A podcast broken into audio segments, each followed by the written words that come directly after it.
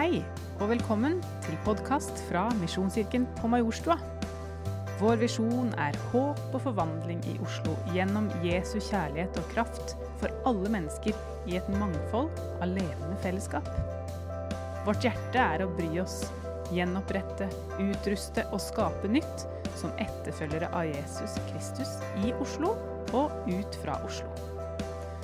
Hvis du vil vite mer om oss, kan du gå til misjonskirken.no. Ikke nøl med å ta kontakt.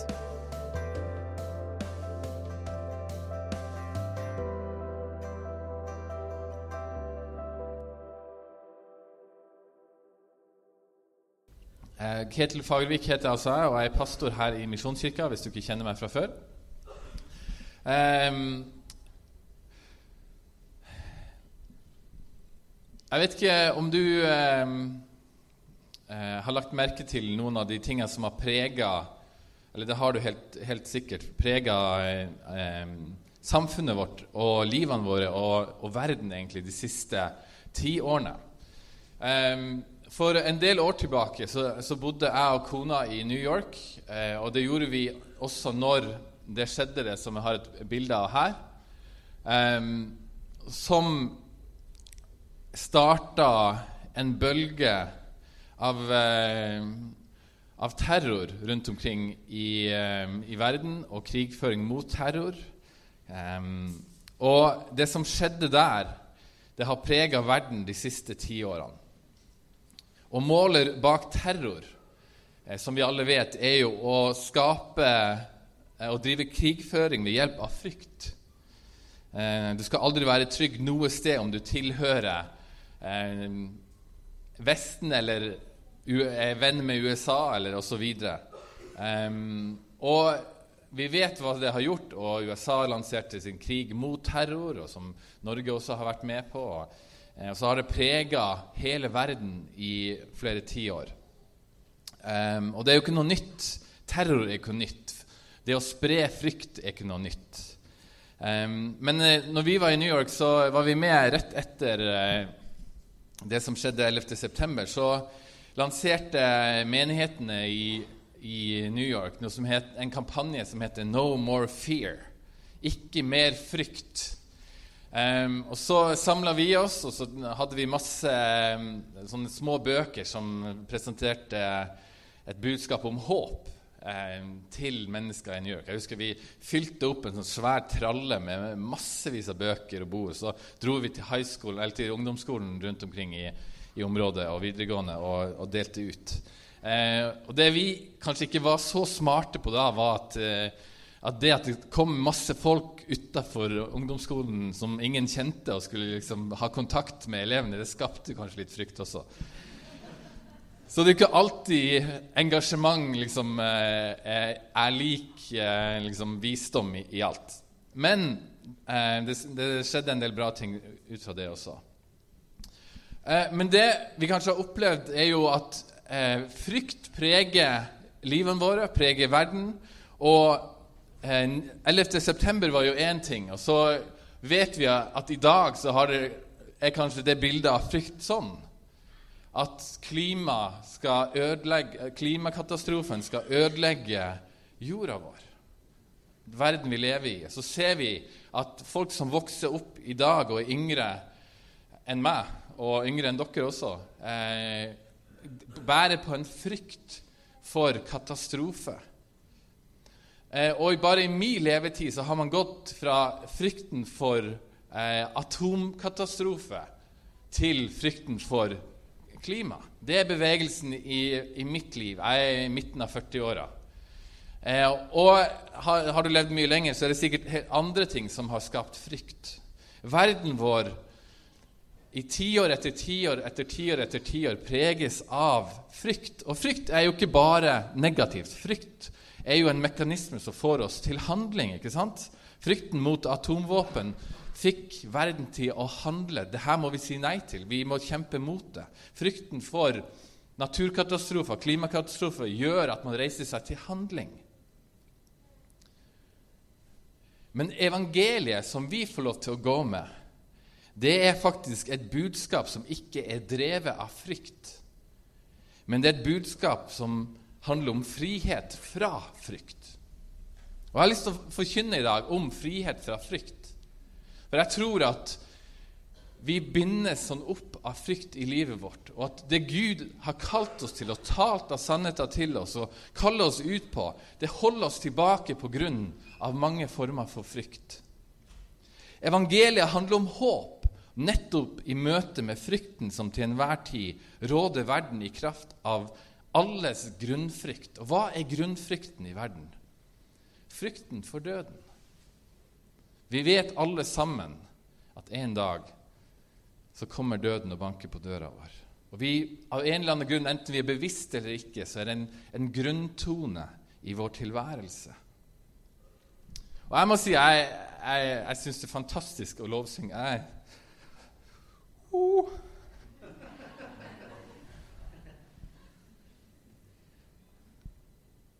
Ikke alltid, selvfølgelig. Men uh, noen ganger. Men jeg, synes, jeg blir så stolt av dere. Jeg blir så stolt av å være en del av en kirke som lovsynger. Jeg kjenner hva mange av dere har i livet deres. Kjenner sykdom som preger livet deres. Død som har preget, som vi også har hørt om i dag. Eh, og det å kunne komme og allikevel løfte hendene eller gråte eller knele ned og si 'Gud, du er god. Du er bare god'. Det er evangeliet, og det er vår Gud. Og vi kommer aldri, aldri til å stoppe med det. Uansett hva som kommer imot oss, uansett hva som skjer i livet vårt, uansett om vi vet at en dag så skal vi alle dø, så kommer vi til å synge om Guds godhet helt til vi dør, så lenge vi lever. Og Evangeliet er nettopp det budskapet om frihet fra frykten for døden, som på en måte mater all annen frykt. Det finnes et håp, det finnes noe forbi døden, det finnes noe som har overvunnet døden, og som du og jeg kan få lov til å leve på i dag. Og I Hebreerne 2, 14-15 så står det om hva Gud har gjort. Siden barna er av kjøtt og blod Barna, det er oss, Guds barn. Siden barna er av kjøtt og blod, måtte også han fullt ut bli som dem. Slik skulle han ved sin død gjøre ende på ham som har dødens makt, det er djevelen, og befri dem som av frykt for døden var i slaveri gjennom hele livet. Det er en verden som er fanga i frykten for døden gjennom hele livet. Men Jesus Kristus har vunnet over Han som holder verden i sin frykt for døden. Fordi han har overvunnet døden og kommet med liv. Ikke bare liv her og nå, men også liv her og nå men basert på at han overvinner døden og har vunnet evig liv for oss, så får vi lov til å leve et liv nå som ikke er drevet av frykt. Vi tilhører et folk, Guds barn, som ikke trenger å være drevet av frykt, men av en kraft som bringer håp inn i en verden av stadig nye farer. Når vi har fått koll på eh, klimaproblemet, så kommer, kommer det andre ting. Vær du sikker. sant? Guds fiende bruker denne frykten til å terrorisere og styre menneskene, mens Gud har kommet for at vi skal være fri fra den frykten. Og Derfor er et, et liv for oss som har møtt Jesus, det er et liv som kan få lov til å leves i tro og ikke i frykt. Og et liv som leves i tro, det kan få leves eh, prega av mot og Gud kaller oss til å leve modige liv, folkens. Modige liv vil si å trosse frykt og gå fremover. Leve livet med frimodighet selv om du har grunn til å frykte. Men ikke på basis av uvitenhet eller stikke hodet i sandmentaliteten. Det er enkelt å være modig om du ikke skjønner farene rundt deg. liksom. Men det er ofte ikke realiteten i livet. Vi møtes av nok ting i livet til at vi skjønner at frykt er en aktiv faktor i alle, alle sine liv. Hvis du ikke har møtt frykt i livet, da har du egentlig ikke møtt livet. Spørsmålet er hvordan vi forholder oss til frykt. ikke sant? Om vi lar frykt styre livene våre, eller om vi lever modige liv der troen er sterkere enn frykten. For troen har overvunnet frykten. Jeg har, jeg har sitert um, William Kerry noen gang nå i det siste også. Moderne misjonsfare. Når vi hører om Når vi hører om de her misjonærene som har vært et halvt liv i misjon og stått trofast, så får vi høre om frukten av det. Hvilke forbilder og hvilken feiring virkelig av et liv, sånn som Gudrun, som vi fikk høre om her. Han som starta, på en måte blir, blir regnet som å starte den moderne misjonsbevegelsen. Det, han heter William Carey. Han levde fra 1761 til 1834. Og han har sagt det Expect great things, attempt great things for God. Altså forvent store ting av Gud, og prøv store ting for Gud. Nettopp fordi at du kan forvente store ting fra Gud. Og Når alle andre mente at Gud fikk frelse menneskene selv hvis han ønska det Det var en hyperkalvinisme som råda Det var vel i England han, han holdt til. Og eh, der gjengs oppfatning var at hvis Gud vil frelse verden, hvorfor gjør han det bare ikke? Så ble det en apatisme av eller man ble apatisk av det. Man blir likegyldig. Gud, du er jo allmektig, du kan jo gjøre alt. Eh, mens William Carey mente at det er jo ikke sånn det fungerer. Han forsto jo at det er faktisk noen som er kalt til å gå med budskapet om, om Jesus Kristus, og gå med evangeliet. Og han reiste seg opp og kalte andre opp ut av likegyldigheten, danna misjonsorganisasjon, reiste til India med familien og osv. Og, og blir, blir regna som den moderne misjonsbevegelsens far. Men det krever mot å gjøre det. Det krever mot å reise seg opp og dra med si, hele familien sin til Sørlandet Nei, eller til, til India. Eller til Sørlandet. Dit Gud kaller deg, da. Dit Gud kaller deg, vil du alltid møte på frykt i møte med Guds kall over ditt liv. Fordi at Guds kall over ditt liv er ikke noe som man bare gjør i en naturlig kraft. Det er noe som Gud ønsker å gjøre noe spesielt med. Gud ønsker å frelse mennesker, og vi klarer ikke det sjøl. Vi kan ikke frelse mennesker. Og Derfor vil vi alltid møte motstand, møte hindringer, møte ting som krever mot og tro for å komme inn i når Gud har kalt oss til det. Ei annen misjonærdame som, eh, som, gikk her i menigheten til hun døde og var godt over 100 år. Og kanskje mer levende enn noen av dere og meg. Helt til siste stund. Det er helt fantastisk. Aslaug. Um, og var misjonær i eh, Kina og Japan i stor del av livet sitt. Men hun brant sånn med et misjonskall, og så fikk hun ikke reist ut. Og hun ble syk av det. Hun ble dårligere, fortalte hun meg.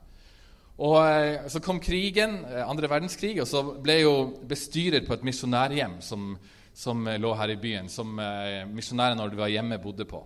Og da viste hun hva som bodde i henne. Fordi da kom Gestapo når eh, invasjonen skjedde, og de sendte sine folk eh, for å lete etter et hovedkvarter til, eh, til sin virksomhet, nazistene.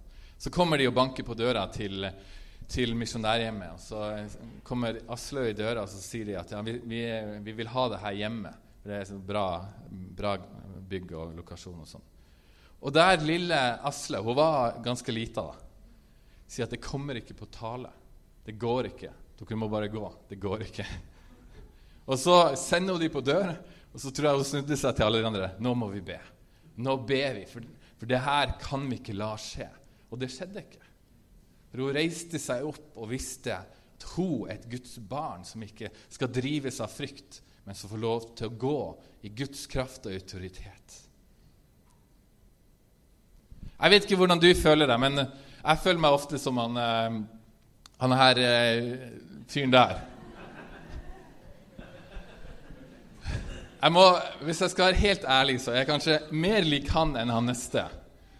Um, og det er liksom litt ytterpunkter, men jeg, jeg syns det er jo fantastisk eh, og Kanskje spesielt Ludvig, han, han forrige der, han tar liksom den norske folkesjela virkelig på, på dypet. I hvert fall min folkesjel. Eh, alltid litt gjemmer seg litt bak nå. Han titter jo alltid for, frem fra noe greier. Han er alltid liksom prega av at er, er, er, det farlig? Sant? Mens han andre fyren, eh, Solan, han er liksom bare! Kjør på, liksom. Og, og, Det er liksom to ytterpunkter. og Solan er kanskje enda mer du tenker at han er, han er modig, men han er kanskje enda mer preget av overmot kanskje, enn av, av sunt mot. Og skaper vel til at de kommer i mye trøbbel. Eh, og, så, og, så, vet vi jo at han som virkelig redder dem når det virkelig står på, og som virkelig er modig, det er jo Ludvig. Sant? Han blir ofte satt i de situasjonene, litt sånn på tilfeldighet at han har mulighet til å vise mot, og så gjør han det, og så reddes de.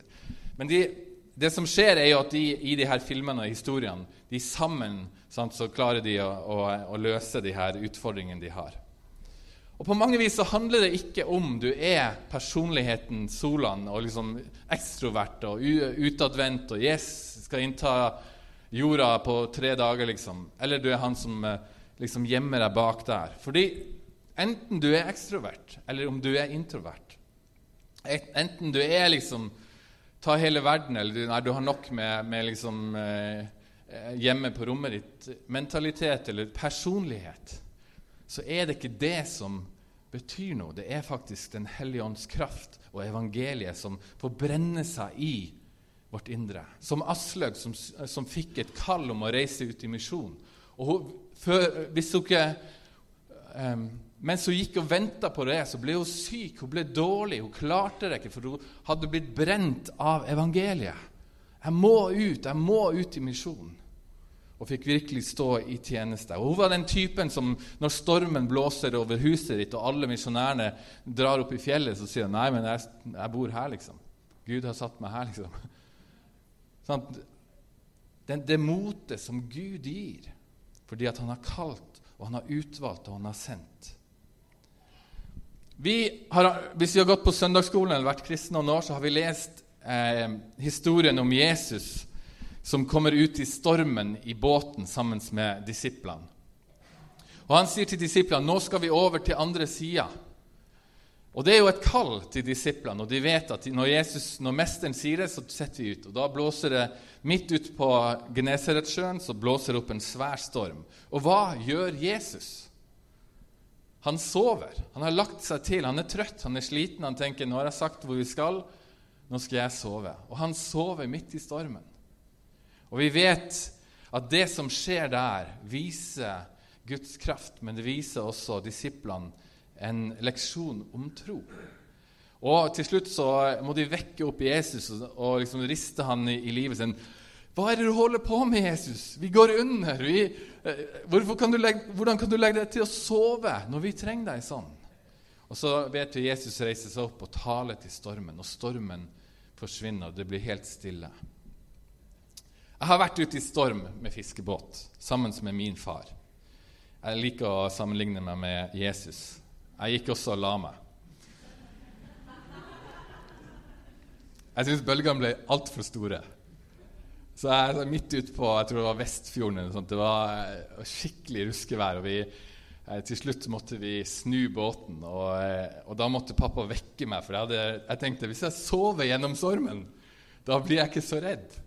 Jeg syntes det var så skikkelig skummelt. Mens han måtte vekke meg og sette meg ved roret, så jeg kunne holde en mot vind mens han, han fant et sted vi kunne søke ly på kartet. Jeg kjenner meg jo ikke som Jesus som ofte, men jeg kjenner til tider, og, og mer og mer kanskje, at Gud vekker noe på dypet som reiser seg i meg, som handler om mot. For Gud har kalt oss til å være et modig folk. Som når vi vet at det er en verden som er grepet av frykt og ligger i fryktens grep, så har han kalt oss. Og som på en måte gjør at vi, vi ikke gir oss. Vi blir dårlige av at vi ikke får reise ut og forkynne evangeliet. For Gud er ikke en som gjør motløs. Han er en som gir mot. Og andre Timoteus, som da var brev fra Paulus til Timoteus, som var, var kjent for å være mye nervøs, antageligvis, så sier han det her. For Gud ga oss ikke en ånd som gjør motløs, men en ånd som gir kraft, kjærlighet og sindighet. Så hvis du lurer på om den motløsheten du går og kjenner på, kanskje kan være fra Gud, så er den ikke det. Fordi at Gud ga oss ikke en ånd som gjør motløs, men en ånd som gir kraft, kjærlighet og et sunt sinn. Fornuftighet. Og Vi ser gjennom hele Bibelen så ser vi historien om folk som er kalt av Gud. Og det går igjen person etter person og folk etter folk. Hva er det som er budskapet fra Gud til folk som blir kalt av Gud? Vær modig og sterk, for jeg er med deg. Vær modig og sterk, fatt mot, frykt ikke, fordi jeg er din Gud. Josva 1.: Vær modig og sterk, for jeg er med deg. Og fordi Kristus er mitt liv, så har jeg allerede seira i livet, uansett hva som skjer i omstendighetene rundt meg. Og Det er et perspektiv som jeg tror vi, vi må, må få vokse opp i oss. Uansett hva som skjer med mitt liv, så har jeg en evig seier i Kristus. Om jeg forgår eller ikke i det kallet Gud har kalt meg til, så har jeg en evig seier. Og Derfor kan jeg få lov til å leve med mot. På grunn av Han så kan vi være modige og sterke. Og Gud tropper opp og støtter sine løfter. Han svikter ikke sine løfter. Når, når Gud kaller, eh, kaller, Josva til å være modig og sterk eh, Se hva som står i 5. Mosebok 31 vers 6 og 8. Og Her kommer, kommer eh, ordene til folket og til Josva. Vær modige og sterke.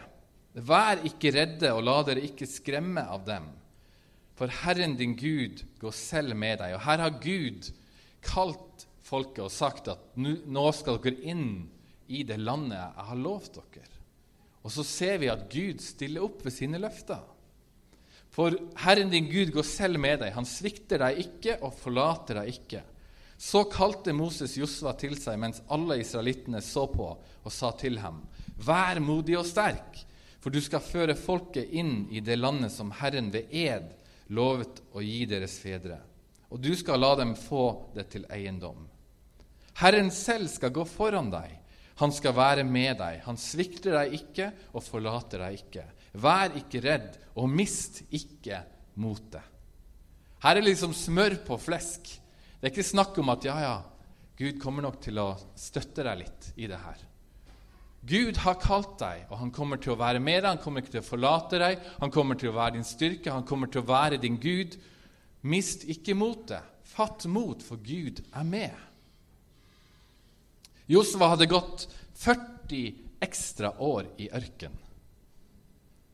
40 år fordi hans generasjon ble grepet av frykt. Han var jo en av de tolv speiderne som blir sendt inn i det lovede land, landet som Gud hadde, hadde lovt israelsfolket. Så kommer de tilbake igjen, så er det bare Josva og Caleb som sier at ja, men det her går bra. Gud er med oss. Det her er et fantastisk land. Yes, let's go. Og så er det ti andre og resten av folket. Mm, nei, det her mm, de ser på oss som gresshopper. Vi syns selv vi er gresshopper. Mm, vi blir spist til middag, liksom. Eh, til frokost. Og så vandrer de 40 år til den troløse generasjonen dør ut. Men Caleb og Josva blir brukt til å føre folket inn. For de har fortsatt motet, de har fortsatt troen. De holder fortsatt fast på løftet gjennom 40 år. Og så sendes Josva inn som lederen. Og Så går han og speider først, og så står det i Josva 5, 13-15. En gang Josva var ved Jeriko, så han opp og fikk øye på en mann som sto framfor ham med løftet sverd i hånden. Josva gikk bort til ham og sa, er du, med oss, med, er du med oss eller med fiendene våre? Og så kommer det merkelige svaret. Og mannen sa, Nei, jeg er føreren for Herrens hær. Nå er jeg kommet. Da falt Josva ned med ansikt mot jorden og sa, Hva har min herre å si til sin tjener? Føreren for Herrens hær svarte Josva, Ta skoene av føttene, for stedet du står på, er hellig. Det gjorde Josva. Jeg vet ikke om du har lagt merke til det før, men føreren for Herrens hær han svarer ikke egentlig på spørsmålet til Josva. Han korrigerer og sier at egentlig er det feil spørsmål. Du har ikke forstått det, det her. Vet du hva? Jeg er ikke for deg eller for fienden. Jeg er herren over Herrens hær, føreren over Herrens hær. Nå har jeg kommet, og det er faktisk du som er med meg. Det er ikke jeg som er med deg. Nei, det er du som er med meg. Dette er hellig grunn. Sørg for at du ser at du er kalt på et hellig oppdrag, og det er jeg som kommer til å føre deg. Og For oss så tror jeg det er mange, mange ganger så må vi få den omvendelsen i livet vårt, der vi ser at Gud er ikke en eller annen som kommer og skal klistre en velsignelseslapp på livet mitt. Og så, så Gud, vær nå med meg nå på, på, mitt lille prosjekt, eller mitt store prosjekt. Men at vi får møte Jesus Kristus, som er føreren over Herrens hær. For Jesus er faktisk ham. Han er herren over Herrens hær. Og når han kommer oss i møte med sitt kall og med, og, og med sitt prosjekt, som er, er, Guds rike til alle verdens hjørner, og som er frelse for alle verdens folk, så er det hellig grunn. Da er det hellig oppdrag. Da er det ikke et liv som bare eh, flappes hit og flappes dit. Da er det av med skoen. Å, Gud, tenk at du kan bruke meg. Da er det et høyverdig oppdrag. Høyhellig tro. Jeg husker min far, som er evangelist, var i møte med ei av de her gamle bønnedamene som lå, var på sykehjem og i 90-åra. Og kommer på besøk til, til, henne, og der hun setter blikket i min far og, og, og sier at 'tenk hvilket privilegium du har', som får lov til å tjene Gud. Hvilket høyverdig kall du har i ditt liv. Jeg vet ikke hvordan du ser på livet ditt. Du er på et høyhellig, høyverdig kall som et Guds barn, der du får være med på Herrens verk. Du er på hellig mark.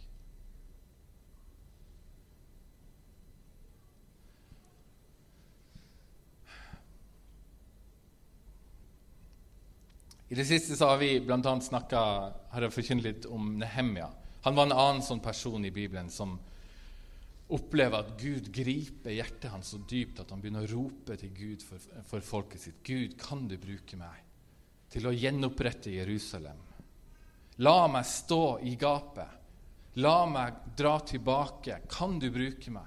Så åpner Gud dørene for han og kaller Nehemja. Og så møter han selvfølgelig motstand. Har du noen gang gått på noe som Gud har kalt deg til, uten å møte på motstand?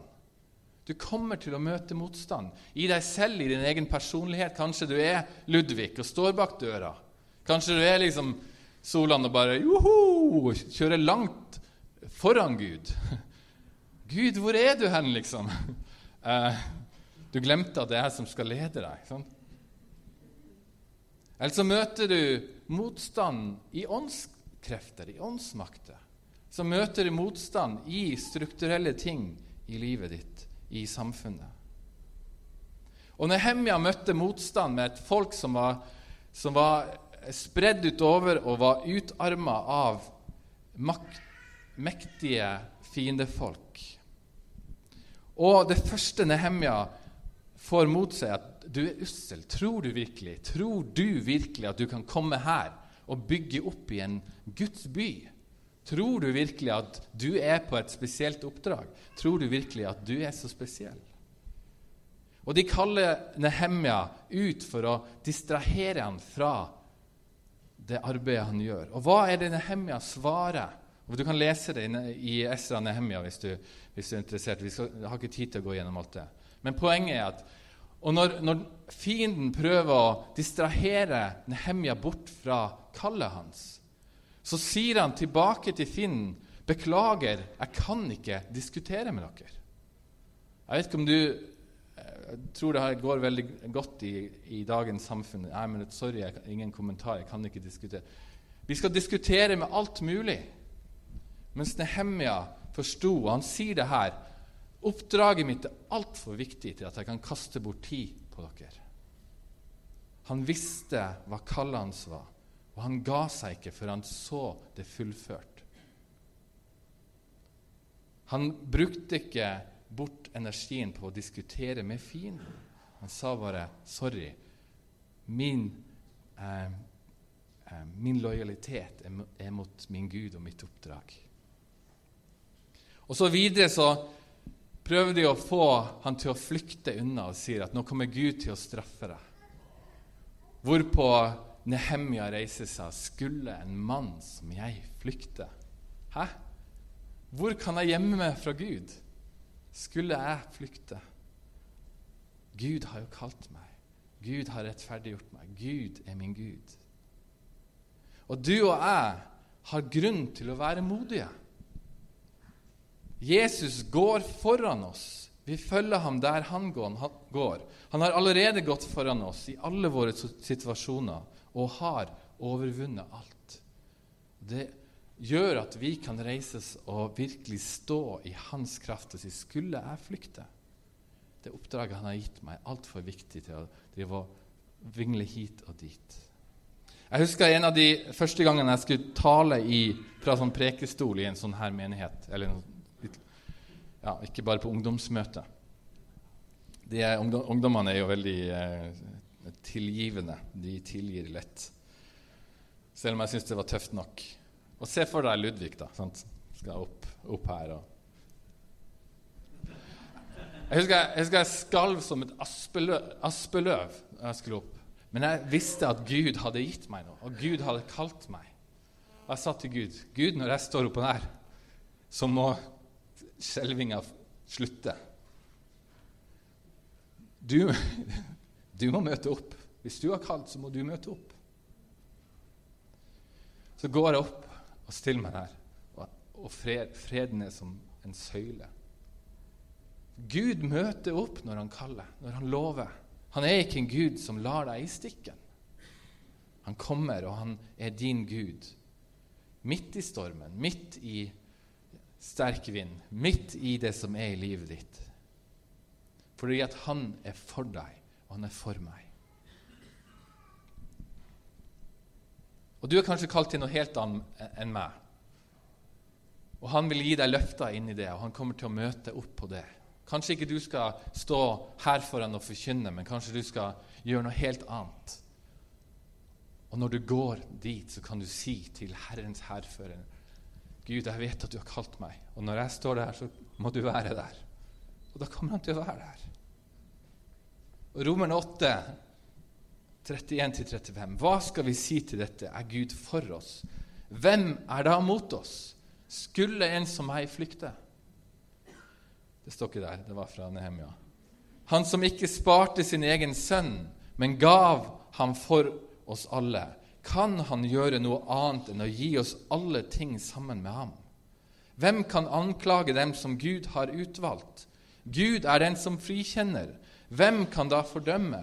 Kristus Jesus døde, ja, mer enn det. Han sto opp og sitter ved Guds høyre hånd, og han går i forbønn for oss. Hvem kan skille oss fra Kristi kjærlighet? Nød, angst, forfølgelse, sult, nakenhet, fare, sverd, terror, miljøkatastrofe Du kan legge på lista. Han kommer til å stille opp. Han har stilt opp, og han har gått gjennom, og han har vunnet over døden, og han er her. Herrens hærfører er her i ditt liv. Det er evangeliet. Det er sannhet. Det er det vi kan få lov til å gå i. Også når vi skjelver. Også når vi ikke skjønner helt hva som skjer. Og jeg tror at en av de tingene som man av og til ikke snakker om i dag, er at en annen ting som gjør at vi trekker oss tilbake på det Gud har kalt oss til, det er at vi sliter med synd i livet vårt. Men Jesus har fridd oss fra å hele tida skulle leve i skuffelse og anger. For han har gitt oss en levende vei inn til Guds trone. Og dagens vers i U-version, hvis du bruker den, var han er trofast og rettferdig når du bekjenner dine synder for hverandre. Han helbreder deg. Forrige gang jeg prøvde å sitere C.S. Lewis og 'Djevelen dypper pennen', så gikk det ikke så bra. Da rota jeg litt. Så jeg tenkte jeg skulle prøve igjen og se om jeg fikk det til i dag. 'Djevelen dypper pennen' handler jo om eh, en, en eh, juniordemon som får opplæring av en eldre demon. Eh, og her er det da eh, den eldre demonen som da gir instruksjoner til den yngre demonen for å, hvordan han kan lykkes i å få mennesker bort ifra Gud og fra det kallet som de har innenfor Gud. Og Her sier han sånn Du sier at disse er små synder, og uten tvil, som alle unge fristere, er du ivrig etter å rapportere spektakulær ondskap. Dette er jo en satire, en satirisk måte å skrive på i C.S. Lewis sitt, sitt mesterverk på mange vis.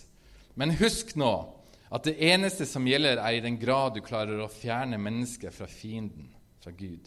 Har si, det har ingenting å si hvor små syndene er, så lenge den samlende effekt er å lirke mennesket bort fra lyset og ut i tomheten, eller ut i mørket. Mord er ikke bedre enn kortspill hvis kortspill gjør jobben. Litt annen tid enn i dag. Faktisk, den sikreste veien til helvete er den gradvise, den svake helningen med mykt underlag, uten plutselige svinger, uten milepæler og uten varselskilt. Ja, men litt dårlig samvittighet er vel litt sunt? I hvert fall hvis du er godt norsk eh, pietistisk oppdratt. Det er godt å gå og kjenne på litt dårlig samvittighet hele tida. For da blir du i hvert fall ikke for rak i nakken og tror at du er noe. Ja, selvfølgelig man skal ikke tro at man er noe man ikke er. Men vår posisjon i Kristus er en oppreist posisjon til å stå i den kraften som Han har gitt oss, på Hans verk, i Hans nåde, og gå i, hans, og i troen på Hans kraft for våre liv. Og da har Han gitt oss en ny rettferdighet som gjør at vi får lov til å leve uten at vi hele tida skal gå og bale med dårlig samvittighet, fordømmelse og sånne eh, kroker som den onde hele tida kan hekte fa fast i oss. Hvis du går og kjemper med synd i ditt liv, bekjenn det, få det ut. Rens deg. Bli fri. Og, og stå stødig i hans rettferdighet. Du er erklært rettferdig. Ikke på bakgrunn av di, ditt liv eller dine gjerninger, men på grunn av Jesu liv og hans gjerning inn i ditt liv. Guds rike handler om rettferdighet, glede og fred og ikke pluss litt dårlig samvittighet. Og Har du gjort noe galt, så selvfølgelig eh, skal, er det jo sunt å kjenne på at vi må gjøre opp for oss. Men veien er åpen for å gjøre opp for oss.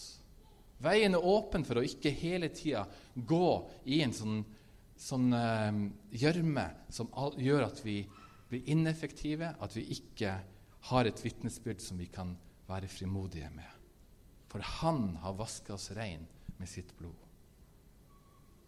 Og Det står sånn i ordspråkene om den som hele tida går og kjenner på at du er skyldig. I ordspråkene 28.1 så står det sånn Den ugudelige flykter selv om ingen forfølger ham. Og Noen ganger så har jeg liksom kjent meg igjen i det. Altså, Jeg har dårlig samvittighet fordi at jeg ikke har dårlig samvittighet. Det er liksom sånn forfølgelsesvanvidd. Men så står det om den rettferdige.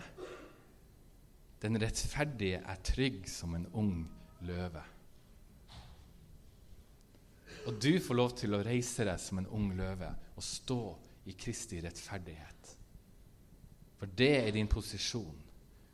Og når du har den posisjonen, så kan du hele tida med frimodighet vaske deg rein i sannheten. Bekjenn dine synder. Leve åpent. La ikke noe få feste seg i livet ditt som den onde får dra tak i. Men la lyset hele tida få skinne på, fordi at din posisjon er allerede der. Og så handler det ikke om å dra seg fra, eh, fra skolissene eller fra håret, eller hvordan man sier det. Det handler om og Det er jo det som er og jeg skal avslutte med det, det som er det fantastiske i Guds rike at det handler om Den hellige ånds kraft. Det handler ikke om min egen kraft. Også i gjenopprettelsen av Jerusalem så, så merker de det at folket de hadde mista motet, og de var prega av frykt, og arbeidet gikk ikke fremover. Og det de trodde, var de trodde at de trengte en hær som kunne overvinne eh, fienden som hele tida trua de og skapte frykt. Men det Gud visste, var at dere trenger ikke en hær. Dere trenger ånd. Dere trenger mot. Dere trenger å bli fylt av ånden. Og I Zakaria 4,6 står det sånn Dette er Herrens ord til Serubabel. Og Her var profeten som kom inn og talte ånd og mot inn i folket. Dette er Herrens ord til Serubabel. Ikke ved makt og ikke ved kraft. Ikke ved hærmakt, ikke ved en stor hær, ikke ved militærmakt. Men ved min ånd, sier Herren over herskarene. Her ser vi han tre frem igjen. Herren over Herrens hær. Ved min ånd. Ånden har fra den falt og skapte, eller fødte frem menigheten, født en Guds rike-bevegelse som ingen frykt kan stoppe. Det er grunnen til at du og jeg får lov til å kjenne Jesus.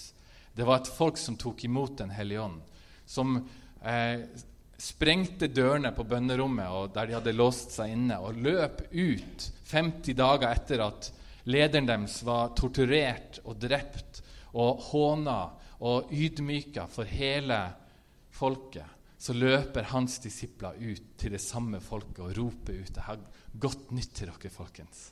Han som dere korsfesta og drepte, han har stått opp igjen. Og du kan få lov til å motta Den hellige ånd hvis du vender om.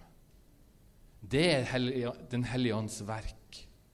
Den gjør at vi ikke bare sitter i bønnemøte, den gjør at vi sitter i bønnemøte også. Sånn, det starter i bønnemøtet. Det gjør at han fyller oss, og han gir oss mot, sånn at vi løper ut fra bønnemøtet og vi vitner om det Gud har gjort i Jesus Kristus i vårt liv. Jeg har fått oppleve det så mange ganger med sosial angst, som jeg nevnte når jeg skal forkynne, og når jeg møter frykt for at jeg ødelegger alt jeg tar hendene mine i. Det kan komme så mange ting som skaper frykt i ens liv. Men så har jeg fått oppleve at Gud kommer igjen og igjen med sin ånd. Når du står i låsingen, midt i utfordringene i livet, midt når noen nær til deg har fått beskjeden om at de har, de har blitt syke, midt i når du kjemper med ting på jobben, midt i når du bare møtes av frykt og fordømmelse fra mange kanter, så kommer ei sånn som Gudrun, som vi, som eh, David fortalte om, som, som nå ble forfremma til Herren, til herligheten, så kommer hun bort til meg en gang og sier at du må ikke slutte å forkynne. Det er et hellig kall.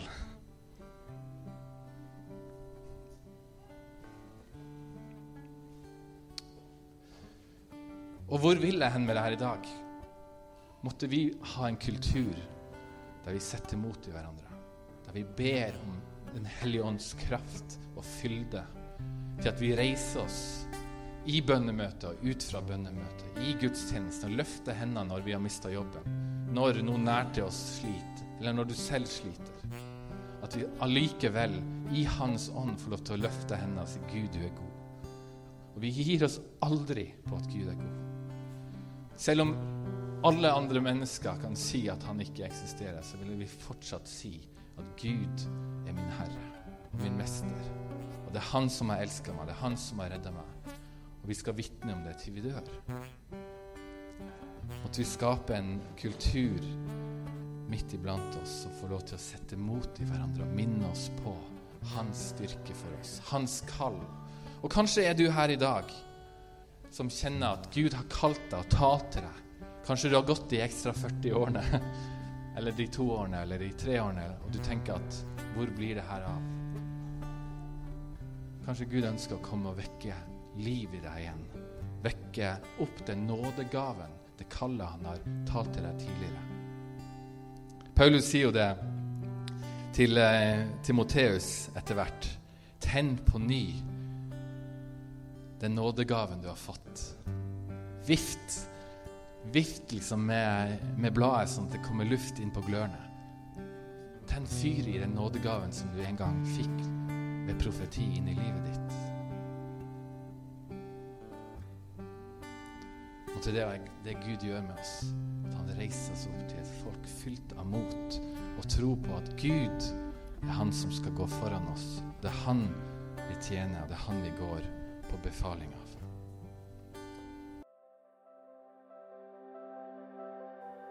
Takk for at du hørte på undervisning fra Misjonskirken på Majorstuen. Må Gud velsigne deg med sin nåde og fred i uka som ligger foran.